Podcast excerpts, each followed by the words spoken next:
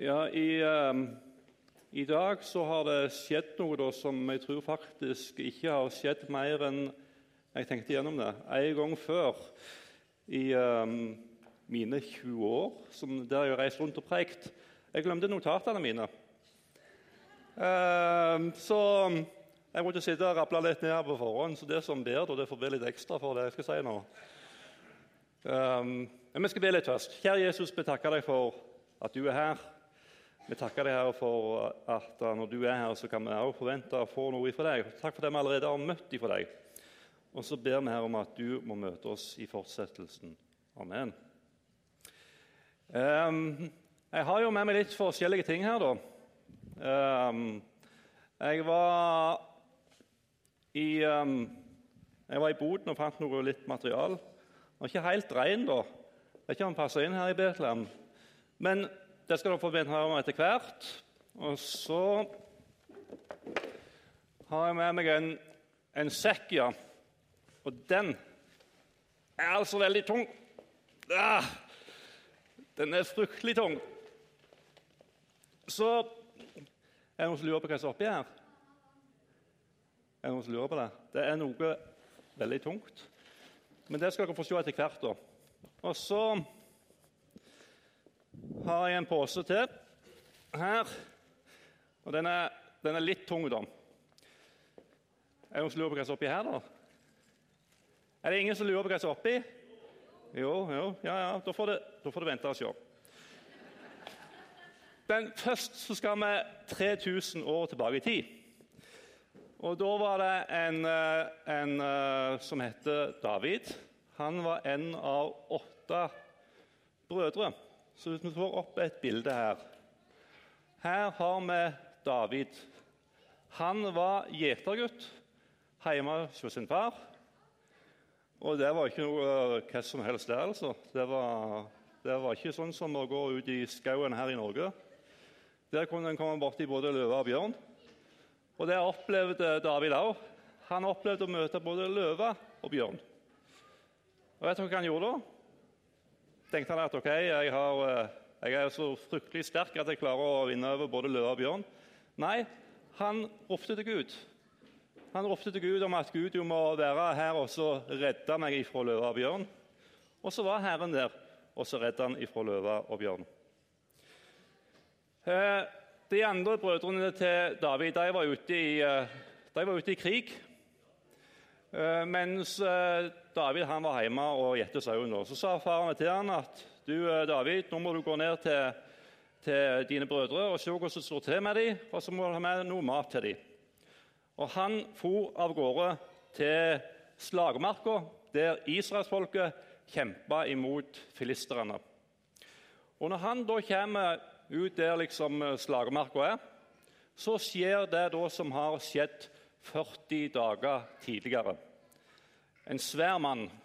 Han kommer ut, og så sier han at den som vil kjempe mot meg, eh, den, eh, den vinner ikke bare for seg sjøl, men den vinner for hele israelsfolket.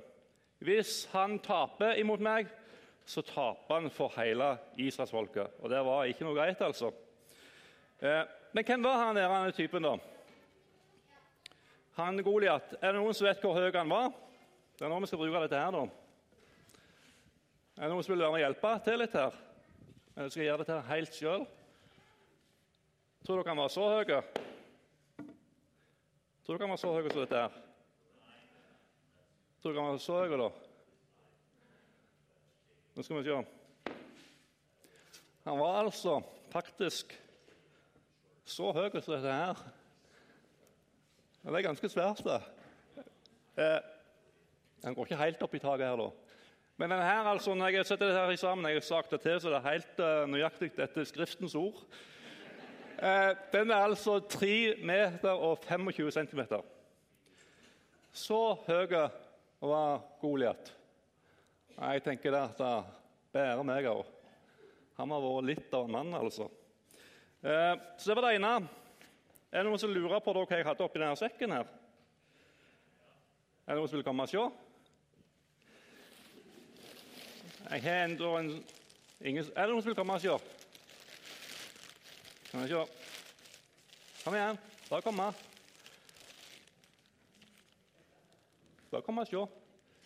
Det er, litt, det, er, det er kanskje litt vanskelig å se, men jeg tror du ser det.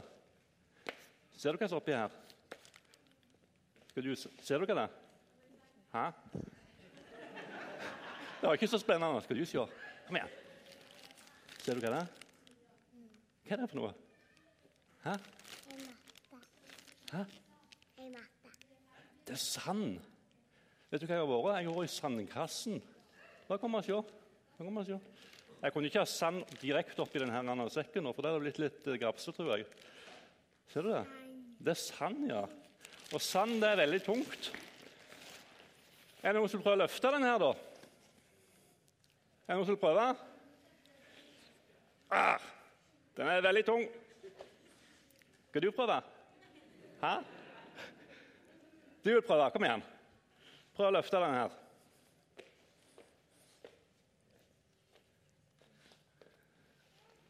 Ah, du klarte å løfte den opp. Ja, du er sterk, altså. Vet dere hvor mye den veier, den her? Den veier altså 34 kilo, denne sekken her. Og jeg tenkte jeg, jeg tørde ikke ha mer oppi den. Men, men Goliat han hadde altså Hvis vi ser på dette bildet her Ser dere frampå brystet her, sant? så hadde han noe de kalte for brynje.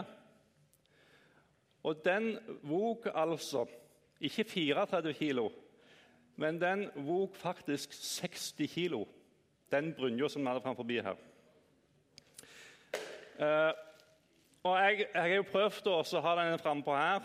Eh, jeg vet ikke om jeg skal gjøre det nå, men, eh, men det er altså veldig tungt. Eh, 34 kilo er tungt, men hvis du tenker 60 kilo og så at han samtidig da skal ut i krig med denne svære greien framfor og tenker at han skal gjøre en skikkelig jobb i forhold til fiendene, det hadde jeg tenkt det må være fryktelig håpløst. Men det var jo svær, da. Og her Er det noen som lurer på hva jeg har oppi her? Skal vi se hva jeg har oppi her? Er det noen som skal se? Det er ikke så, det, det, ja, det er litt spennende. Her, Kom og se. Vet du hva det er for noe? Ser du hva det er? Ser ser du? Det er mjøl. Det er faktisk mjøl. Kveitemjøl er det. Det er tre pakker med kveitemjøl. Og det som var da, at Han hadde jo et, eh, et spyd. Vi får neste bilde Der ser vi kanskje litt mer av hvor stor sikker den der spydspissen var. Han hadde en svært spyd. Og den spydspissen den vog altså like mye som disse tre eh, pakkene med kveitemjøl. Seks kilo vog den spydspissen. Så vet ikke jeg da hva du hadde tenkt hvis det kom en sånn mann imot deg, som var altså da så høy, og som hadde den der svære greia framfor på, på brystet og så gikk vi den her, um, spydet med den spydspissen, og som hadde en skjoldbærer framfor seg. Altså, Jeg hadde blitt pissredd, som sier på Jæren. Jeg hadde blitt skikkelig redd. Og så hadde jeg tenkt hvordan i all verden er det noen som kan matche denne mannen her? Og Det var faktisk det som skjedde blant israelsfolka òg. De var livredde. Og det står faktisk at de sprang når denne, når denne svære mannen her kom fram. Det står trygt altså der. Du lurte på det, ser jeg. Okay. Eh, når denne mannen kom fram, så ble de livredde. Og så sprang de og gjemte seg for denne her svære mannen. Og Det er her David kommer inn i bildet. For Han kommer ned der, og så ser han det som har skjedd 40 dager tidligere. Og så sier han, 'Vet du hva? Jeg, jeg vil gå og kjempe imot denne filisteren.' Og du vet det at De ble jo ikke akkurat så veldig brødrene tenkte at han er noe litt høy på pæra. han her karen. Og alle rådde han ifra til å gå imot den kjempa Goliat. Um, men vet du hva David sa? For han hadde lært noe. Han hadde lært noe når han sto overfor det umulige tidligere. Han sto overfor løve og bjørn. Så sa han det. Herren som har fridd meg ifra løvens og bjørnens vold. Han skal også fri meg fra denne filisterens vold. For vet du hva filisteren gjorde? Han håna den levende Guds hær. Og så tenkte David det kan vi ikke leve med. Vi må sørge for at Guds navn det blir æra. Og så gikk han da imot denne, denne kjempa Goliat. Er det et bilde til, tror jeg? Ja, der kommer det. Så kjempa han imot denne kjempa Goliat. Han fant disse fem glatte steinene og slengte dem i pannen på Goliat, sånn at kjempa den falt død om. Så vant han altså en svær seier for hele israelsfolket. Eh, hva kan vi lære av dette? her? Jeg tror aldri at uh, vi skal se på mennesker som fiender, sånn som israelsfolket og filisterne var fiender av hverandre. Uh, som på en måte skal overvinnes. Men vi har et oppdrag i denne byen til å nå nye mennesker med evangeliet. Og For oss kan det å nå nye mennesker med evangeliet være som en slags Goliat som reiser seg imot oss. Noe stort, noe uovervinnelig, noe som vi tenker at vi aldri klarer å gjøre. Og Hvis vi ser på denne byen vi har sett inn i her med utallige mennesker som ikke kjenner Jesus, så tenker jeg hvordan i all verden kan vi være redskap for Gud til nettopp det? Og Så kan det være vi gjør sånn som israelsfolket gjorde. Vi ser har vi muskler nok, har vi krefter nok, har vi ordforråd nok, har vi frimodighet nok, har vi det ene og det andre? Har vi, har vi det som trengs i forhold til å nå nye mennesker med evangeliet? Så kan det være vi gjør akkurat sånn som israelsfolket gjorde. At vi springer og gjemmer oss. Vi er redde. Men hva er det vi skal få lov til å lære av David? Jo, at han stolte på Herren. Han visste òg at jeg har ikke krefter nok.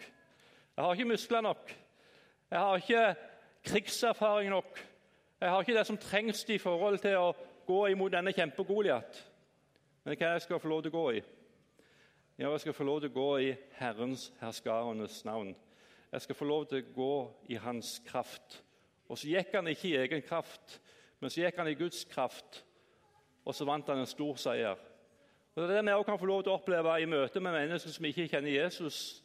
At Vi skal ikke gå i, Guds, vi skal ikke gå i egen kraft, men vi skal få lov til å gå i Guds kraft og fortelle dem om kjærlighetens evangelium om Jesus Kristus, som faktisk kan forandre mennesker sine liv. En ting til. David han vant en seier for hele israelsfolket. Mens resten av israelsfolket de bare sto og så på hva som skjedde. De løfta ikke en finger for at de skulle vinne seier. Og På samme måten så er det med Jesus. Jesus han vant en seier for oss på korset. Vi var ikke til stede på korset, vi så hver gang det som skjedde. Vi var ikke delaktige i det som Jesus gjorde på korset. Men likevel så kan vi få lov til så i dag å stå og se på Jesus, som vant over synda, over djevelen, over all ondskap i denne verden. Og så kan vi få lov til å glede oss over det Jesus har gjort. Neste bilde. Virker dette kjent ut? Eh, jeg vet det er, er, noen som er veldig fotballinteresserte her. Altså, Jeg er ikke det i det hele tatt, bare så det er sagt. Men jeg vet det er noen som er på stort sett alle brannkamper. Lukka til, sier jeg da. Men, men eh, det som er litt, når jeg da ikke er så veldig interessert i fotball, da, så tenker jeg av og til når um, For det er sikkert noen som har Dere, dere som har vært på Brann stadion, har sikkert noen ganger sunget 'Seieren er vår'. Har dere det? Aldri? nei, nei. Nei, nei. Um, seieren Skal vi synge det? Er dere klar? Seieren er vår, seieren er vår. Vi har vunnet, seieren er vår. Seieren er vår, seieren er vår. Vi har vunnet, seieren er vår. Og så tar det aldri slutt. Eh, men så tenker jeg, da, de som er interessert i fotball De synger som om de sjøl har vunnet, men de har jo ikke rørt ballen. De har ikke rørt ballen i det hele tatt. Og så synger de så voldsomt som om de sjøl har vunnet. Så tenker jeg bærer meg av hvordan det blir så tosjen. men, det som er tilfellet, det var at det er laget som en er en del av, det var det som vant.